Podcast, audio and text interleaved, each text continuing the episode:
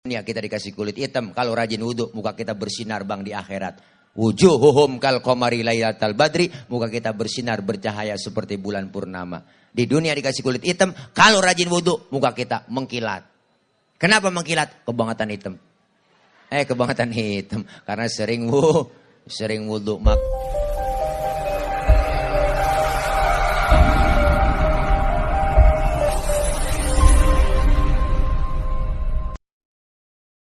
طلع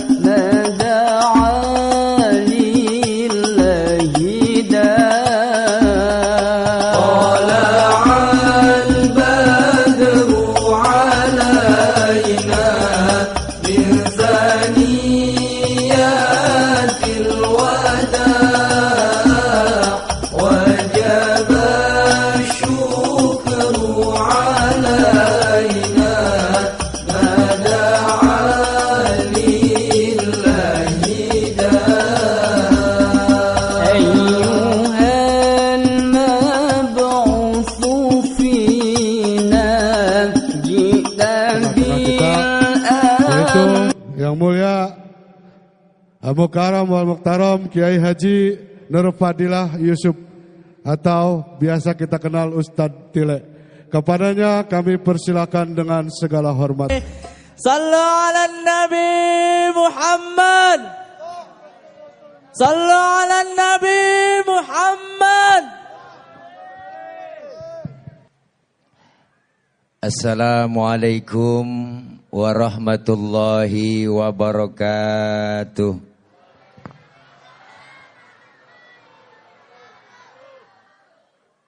Bismillahi walhamdulillah. Alhamdulillahilladzi arsala rasulahu rahmatan lil alamin.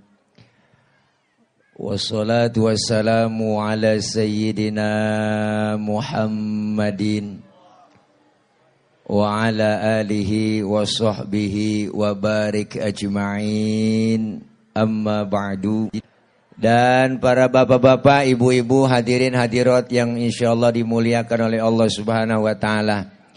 Waktu udah rada tengah hari ini ceramah kayak nyeromong buat Bang ini panas muka empuk enak di situ.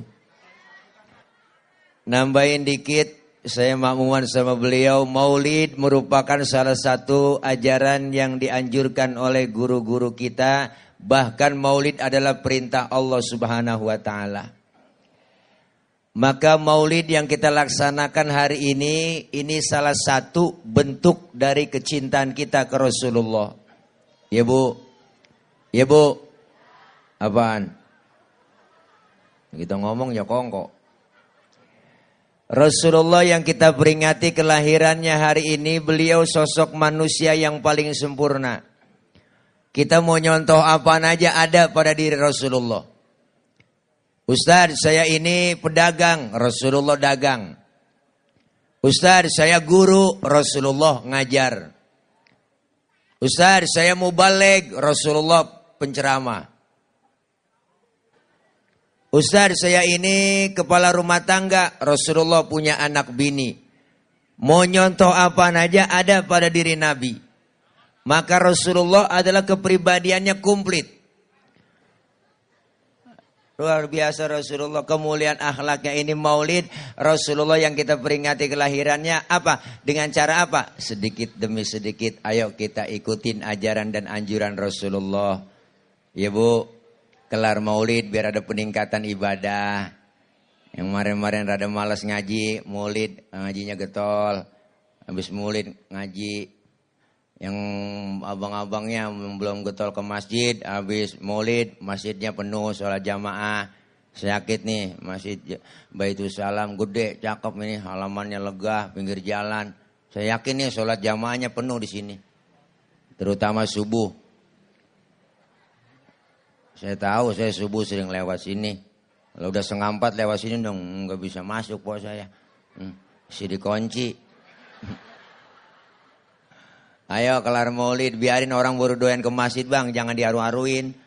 Jangan kata apa-apa orang baru doyan.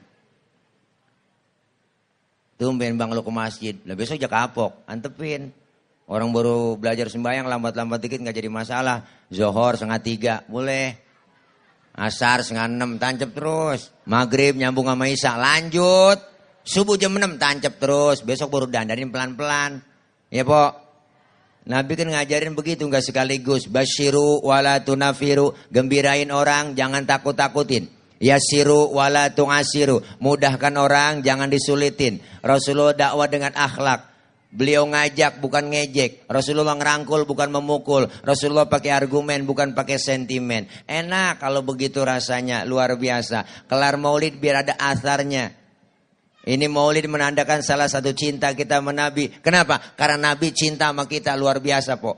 Mana buktinya Nabi cinta sama kita? Terbukti ketika beliau mau wafat, Jibril datang ngasih kabar. Kata malaikat Jibril, Muhammad, aku diutus oleh Allah menyampaikan amanah. Nyawamu yang mulia segera dicabut. Bagaimana menurutmu? Apa jawab Rasulullah? Jibril, kehormatan apa Allah sampai mencabut nyawaku? Lalu Allah nyatakan dalam hadis kursi, apa kata Allah? Ini haramtul jannata ala sairil anbiya hatta tadkhulaha anta. Aku haramkan Sesungguhnya aku haramkan surga dimasukin nabi-nabi yang lain kecuali kau masuk lebih dulu. Umat saya bagaimana ya Rob? Umatmu jaminannya lain lagi. Wa haramtu ala sairil umami hatta tadkhulaha ummatuka. Aku haramkan umat-umat yang lain masuk surga lebih dulu kecuali umatmu masuk duluan. Alhamdulillah. Nabi masih mikirin kita, Pok. Nabi masih mikirin kita. Nabi. Nabi.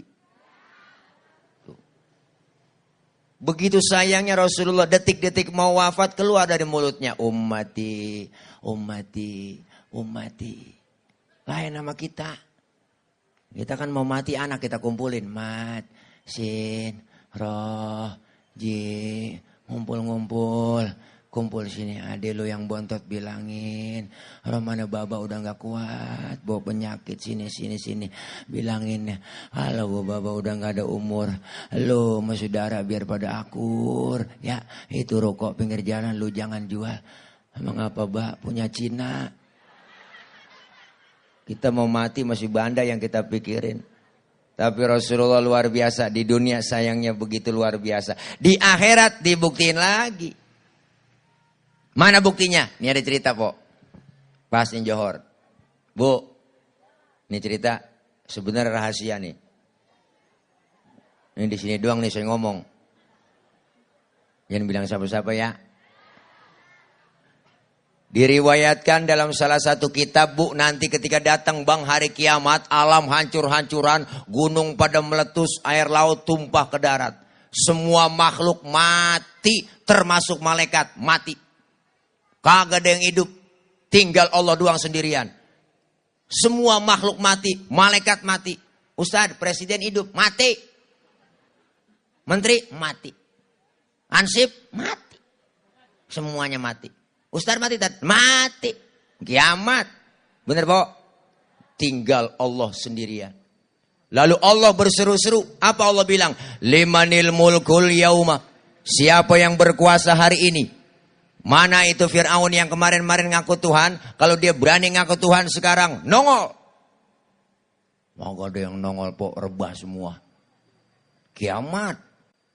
Mana itu pemimpin-pemimpin yang zalim? Nongol. Kagak nongol pok rebah semua. Mana orang yang minta tiga periode? Hmm, cari mau dia. Enggak hmm, ada bang. Rebah lah kiamat. Enggak hmm, ada yang bangun. Lalu Allah nyombong di situ. Apa kata Allah? La ilaha illa ana. Tiada Tuhan melainkan aku. Bu, Allah nyombong bang. Udah pantas banget. Emang kagak ada lagi? Lalu yang pertama dihidupkan oleh Allah malaikat. Seluruh malaikat dibangkitkan kembali, dihidupkan oleh Allah, dibentuklah panitia akhirat. Ada panitianya bang. Diatur bagi tugas siapa yang bagian nyari dana. Panitia. Yang bagian nyiapin makan siapa, yang bagian ngamplopin kiai-kiai siapa, diatur semua. Lah panitia. Bagi tugas sama Allah, malaikat pertama dipanggil sama Allah. Ridwan, baik ya Rob, ente tugasnya siapin surga. Buat siapa ya Rob? Aku akan balas itu hamba-hambaku yang waktu di dunia sering sujud, sering duduk dengan ulama, sering kumpul di pengajian, tangannya pemurah dengan anak yatim, santun dengan anak yatim, sering berbuat amal kebaikan, yang pokoknya pendekatan orang sering berbuat amal soleh. Yang model begitu, siapin surga Ridwan. Baik ya Rob, siap, 86. Malaikat Ridwan. Malik, ada apa ya Rob? Tugas ente siapin neraka. Buat siapa ya Rob? Aku akan balas tuh manusia, bajingan paling tengik. Yang waktu hidup di dunia nggak pernah sujud, rumah dekat masjid kagak pernah nginjak masjid, sama pengajian rada gedeg, sama ustad rada benci, saban malam kerjanya nyekek botol mulu. Tuh leher botol kenapa kecil po? Karena dicekekin mulu tiap malam. Pendek kata nggak pernah berbuat amal soleh. Yang model begitu siapin neraka Malik. Baik ya Rob, siap OTW. Malik. Jibril, iya ya Rob. Mikail, ada apa ya Rob? Ente berdua ke surga. Ngapain saya berdua? Ambil kendaraan buruk, bawa turun ke alam. Cari di mana kubur kekasihku Nabi Muhammad. Jibril sama Mikail turun ke alam. Suruh nyari kuburan Nabi. Alam udah rata semua, po. Udah hancur-hancuran. Disuruh nyari kuburan Nabi. Lah di tengah jalan Jibril sama Mikail aja kongkok. Lagi orang mau CS-nya. Kata malaikat Jibril, Mikail, ngapa Bril? Hmm, hmm, hmm, lu tahu kuburan Nabi? Ah, gue juga bingung ini. Bagaimana nyari kuburan? Jangan kan nyari kuburan, nyari sawangan Depok aja nggak nemu ini. Lu, lu rata semua. Kata malaikat Jibril, coba lu cek di Google Map. Lu kagak nemu udah. Terus bagaimana ini urusan kita berdua? Sujud aja nyok, minta petunjuk sama Allah. Nyok, sujudlah Jibril dan Mikail. Dengan izin Allah, kebuka bab. Bu, kubur Rasulullah kebuka. Rasulullah bangun dari kubur sambil kucek-kucek mata. Tengok ke kanan ada malaikat Jibril. Tengok ke kiri ada malaikat Mikail. Rasulullah bertanya, Ayu yaumin hadha ya Jibril. Ini hari apa Jibril? Jibril menjawab, Hadha ma wa'adar rahman wasodakol mursalun. Ini hari di mana Allah janjikan buat kita semua. Ini kiamat Muhammad. Kiamat Jibril. Oh, oh. Benar ini kiamat Jibril. Benar Muhammad. Cius. Itu cius bu saya tambahin doang. Ntar cari di kitabnya ciusnya mana nih. Benar ini hari kiamat Jibril? Benar Muhammad. Keluarlah dari mulut Rasulullah yang mulia. Apa kata Rasul Jibril? Kalau memang ini kiamat beneran, ini benar-benar hari kiamat. Aina ummati, aina ummati. Umatku di mana Jibril? Umatku di mana? Rasulullah pertama kali bangun dari kubur, tahu itu hari kiamat. Yang beliau cari bukan anak, bukan biniknya, tapi yang beliau cari kita umatnya. Alhamdulillah. Kata malaikat Jibril umat lu kayaknya sih masih pada rebah semua Muhammad. Gue sih kagak tahu urusannya gue. Gue mah tugas gue nih bangunin lu doang dari kuburan. Ya ah kita berangkat. Ke mana Jibril? Ayo kita ke sorga. Nah suruh siapa? Suruh Allah. Udah ayo berangkat kemon. Tuh, akhirnya malaikat Jibril sama Mikail ngajak Rasulullah, "Bu, OTW ke sorga." Naik Grab. Eh, naik Grab, naik buruk. Sampai di dalam sorga Rasulullah kayak orang betah, agak betah po. Bengong aja Nabi bang di sorga. Mukanya rada galau, bete banget dilihat. Pokoknya rada galau dah, gabut. Kan yang punya sorga enggak enak melihat begitu. Ditegur. Muhammad, lah baik ya Rob. Enggak betah di surga. Betah ya Rob. Kurang fasilitas. Cukup ya Rob, saya udah enak di sini. Ada kursi. Saya udah enak di sini. Ada meja. Depan air putih doang. Aqua sama pit dua. Iya, mana minum launya tisu Baru kali ini bertamu air putih sama tisu. Ntar begini caranya dibuka begini tuh. Ini diceleb. Peres dah kita makan. Biarin dah yang namanya juga udah ngabisin. Bu, saya mau udah enak di sorga ya Rob, udah enak pokoknya. Tapi ngapa bengong begitu kamu? Saya bengong begini mikirin umat saya ya Rob. Umat saya nasib akan di sorga sendirian. Umat saya nasibnya belum ketahuan. Terus mau kamu apa Muhammad? Izinkan saya ya Rob. Keluar dari sorga. Mau ngapain keluar? Mau nengokin umat saya. Alhamdulillah. Udah di dalam sorga, di tempat yang enak, pengen keluar. Cuma pengen nengokin kita doang. Ada pemimpin model begitu, Pok. Ya Allah. Keluar Rasulullah, ngapain? Nengokin kita. Baru dah bang, kita nih po, dibangkitin manusia semuanya. Dihidupin lagi. Wah hari kebangkitan, manusia semuanya dikumpulin. Dari zaman jebot. Dari zaman Nabi Adam sampai datangnya hari kiamat. Masing-masing kita di sono. Matahari sejeng kali pala. Wah panas udah pasti, kausan udah pasti di sono lah. Sekarang aja panasnya luar biasa. Tapi orang yang rajin sholawat cinta menabi. Sering kumpul di majelis maulid. Allah sediain haudhuka sofil mubarrod wirduna yauman nusyuri. Disediain telaga kausar buat orang yang rajin sholawat cinta menabi. Kita minum seteguk dari air telaga tersebut. Nggak bakalan haus buat selama-lamanya. Alhamdulillah. Makanya kalau ada orang kagak demen maulid, nggak demen sholawat, biarin dia pok di sana dia kausan, dia kecekek, rasain kagak yang nolongin. Naudzubillah min. Masya Allah luar biasa. Kita rame-rame lagi susah, pok begitu ngadep kita minta tolong. Rame-rame rombongan kita datang. Ke mana minta tolong? Ke Nabi Adam. Ya Adam, anta abal bashar. Adam bapak moyangnya manusia engkau. Tolongin kami ini. Cucu lagi pada kesusahan. Tolongin Nabi Adam. Nabi Adam ngomong, ya Allah cucu. Boro-boro gue nolongin lu. Gue juga lagi kebelangsak ini.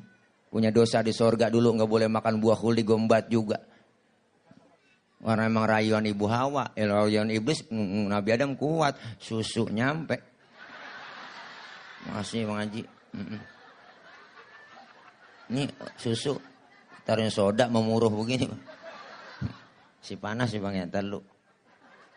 Itu Nabi Adam punya dosa atuh pok makan buah kulit doang. Kan Nabi Iblis Iblis ngerayu-rayu Nabi Adam. Nabi Adam kuat. Nah, bininya nih dirayu-rayu Ibu Hawa. Udah awak lu bilangin laki lu no. Makan buah huldi. Huldi artinya kekal. Kalau lu makan lu bakal kekal di sorga. Udah rayu-rayu. Yang namanya rayuan perempuan bang. Wah hati-hati. Laki biar kata komisi kayak pagar kecamatan. Wah. Kalau kena godaan perempuan teklok kita. Saya perempuan sekarang bang. Burani-burani buat godain kita.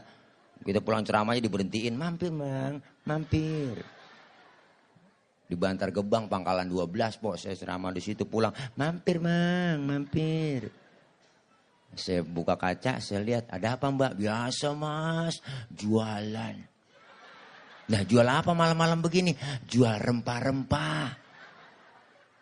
Saya bingung rempah-rempah apaan mbak? Ya kalau merem dikasih upah. Aku tuh jablay po bu Allah. Peci haji langsung saya pakai. Kaget waduh pak haji ya kalau Pak Haji gratis lah. Nggak apa-apa saya nyari berkahnya. Begitu suwe banget. Ya Allah. Le ibu Hawa ngerayu-ngerayu ayang-ayang beb. Ayo ayang beb. Mam dong buah kulit. Mam, mam, mam, mam. Kerayu-rayu airnya baru makan. Nyangkut di tenggorokan. Maka laki-laki disebut kaum Adam. Ibu-ibu disebut kaum Hawa. Adam laki-laki, Hawa perempuan. Makanya bapak-bapak Adam mingkem. No, antang bapak-bapak mak. Kagak yang pada kongko. Dengerin khusus ceramah. Ibu-ibu mau namanya juga Hawa.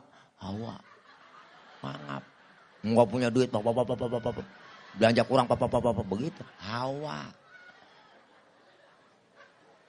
Bu, Nabi Adam makan buah huri nyangkut di tenggorokan. Maka laki-laki ada jendolannya di leher. Empok kalau nggak cahaya ntar pulang dah. Pegang leher laki empok. Repe-repe. Tanya bang ini buah kuldia. Tapi Ibu Hawa makan buah huli nyangkutnya langsung di dada. Kenapa? Nggak nyangkut di leher? Karena leher perempuan licin, sering ngomongin lakinya sama orang lain.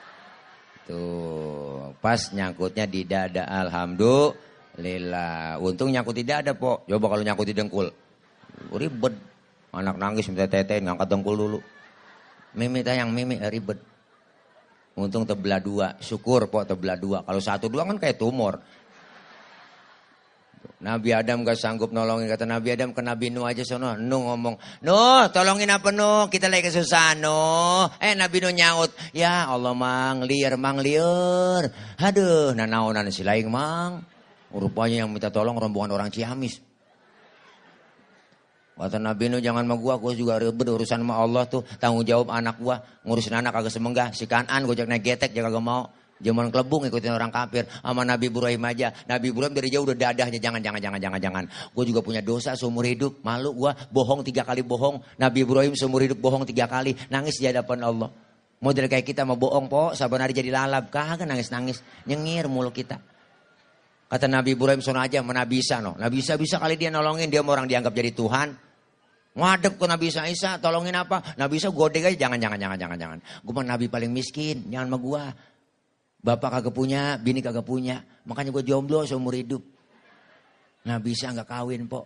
Makanya umatnya ikut-ikutan nggak kawin juga. Tuh pastor nggak kawin. Ngikutin apa? Ngikutin Nabi Isa. Kan sayang-sayang ya bang. Nah, punya perabotan nggak dipakai kan sayang-sayang. Satu-satunya yang nolongin kita baginda Rasulullah Muhammad sallallahu alaihi wasallam. Rasul manggil-manggil kita, ummati analaha, ummati ta'ali ummati, ta'ali ummati, ta'ali. Kemari, kemari, kemari. Nabi manggil-manggil kita, alhamdulillah. Cuman yang dipanggil gak sembarangan orang, ada tandanya. Apa tandanya? Kata Rasul, inna ummati ya'tuna yaumal qiyamati gurron muhajjalina min atharil wudu. Umatku nantinya yang aku panggil di hari kiamat, mukanya bersinar, bercahaya karena sering kena air wudu. Alhamdulillah. Sering wudu berarti sering sembahyang. Masa wudu doang kagak sembahyang? Di dunia kita dikasih kulit hitam, kalau rajin wudu muka kita bersinar bang di akhirat. Wujuhuhum kal lailatal badri, muka kita bersinar bercahaya seperti bulan purnama. Di dunia dikasih kulit hitam, kalau rajin wudhu, muka kita mengkilat. Kenapa mengkilat? Kebangetan hitam. Eh, kebangetan hitam. Karena sering wudhu sering wudhu. Maka ini maulid sukses. Ayo jaga kebersamaan, kekompakan, kerukunan kita. Simbol kebersamaan umat Islam masjid. Ayo kita rame-rame masuk masjid semua. Masjid adalah simbol demokrasinya umat Islam. Kita pengen menjaga ukhuwah Islamiyah, ukhuwah Basyariah, ukhuwah Wataniyah. Insya Allah kita semua kompak bersatu. Umat Islam jangan sampai diobok-obok. Sampai, jangan sampai mau diadu domba. Insya Allah kita semua kompak bersatu. Artinya apa? Kita pengen umat Islam harus bangkit kembali. Amin ya robbal alamin. Jangan sampai kita terprovokasi, diadu domba. Beda ormas boleh, tapi marahan jangan. Ya bu, beda pandangan boleh, tapi marahan jangan. Beda pendapat boleh, tapi jangan sampai marahan. Mudah-mudahan kita saling menjaga kebersamaan, mempererat ukhuwah Islamiyah. Kita kumpul berjamaah, insya Allah. Dengan kita berjamaah, pasti akan turun rahmat dari Allah. Falaula fadullahi alaikum wa rahmatuhu lakuntum minal khasirin. Andai kata tidak ada keutamaan dan rahmat dari Allah, kita tergolong orang-orang yang merugi. Dengan kita berjamaah, kumpul bersama, turun rahmat dari Allah dan keuntungan yang dapat kita raih. Alhamdulillah, hari ini ada dua keuntungan yang kita dapat. Apa? Untung yang kelihatan, ada untung yang gak kelihatan. Yang kelihatan dikasih besek pulang ntar kita. Hari ini kita makan, besok pagi udah kita buang. Masuk kamar mandi kita nongkrong, kurelakan di kau pergi. Boro-boro ditengok, baru jatuh langsung kita siram. Tapi ada untung yang gak kelihatan. Dosa kita diangkat oleh Allah. Pahala Allah kasih begitu besar. Alhamdulillah. Mudah-mudahan ini saja. Karena waktu mentok johor po. Udah azan dia HP. Bunyi aja tuh dari tadi. Ya dia udah duluan azan. Ya enggak, ini aja yang dapat saya sampaikan. Kita baca Fatihah. Nih, saya sayang-sayang kalau agak diminum. Bismillahirrahmanirrahim. Amin. Ini saja yang dapat saya sampaikan. Banyak kurang, banyak kesalahan. Mohon maaf. Akhir kalam. Wallahul muwafiq ila. Wassalamualaikum warahmatullahi wabarakatuh.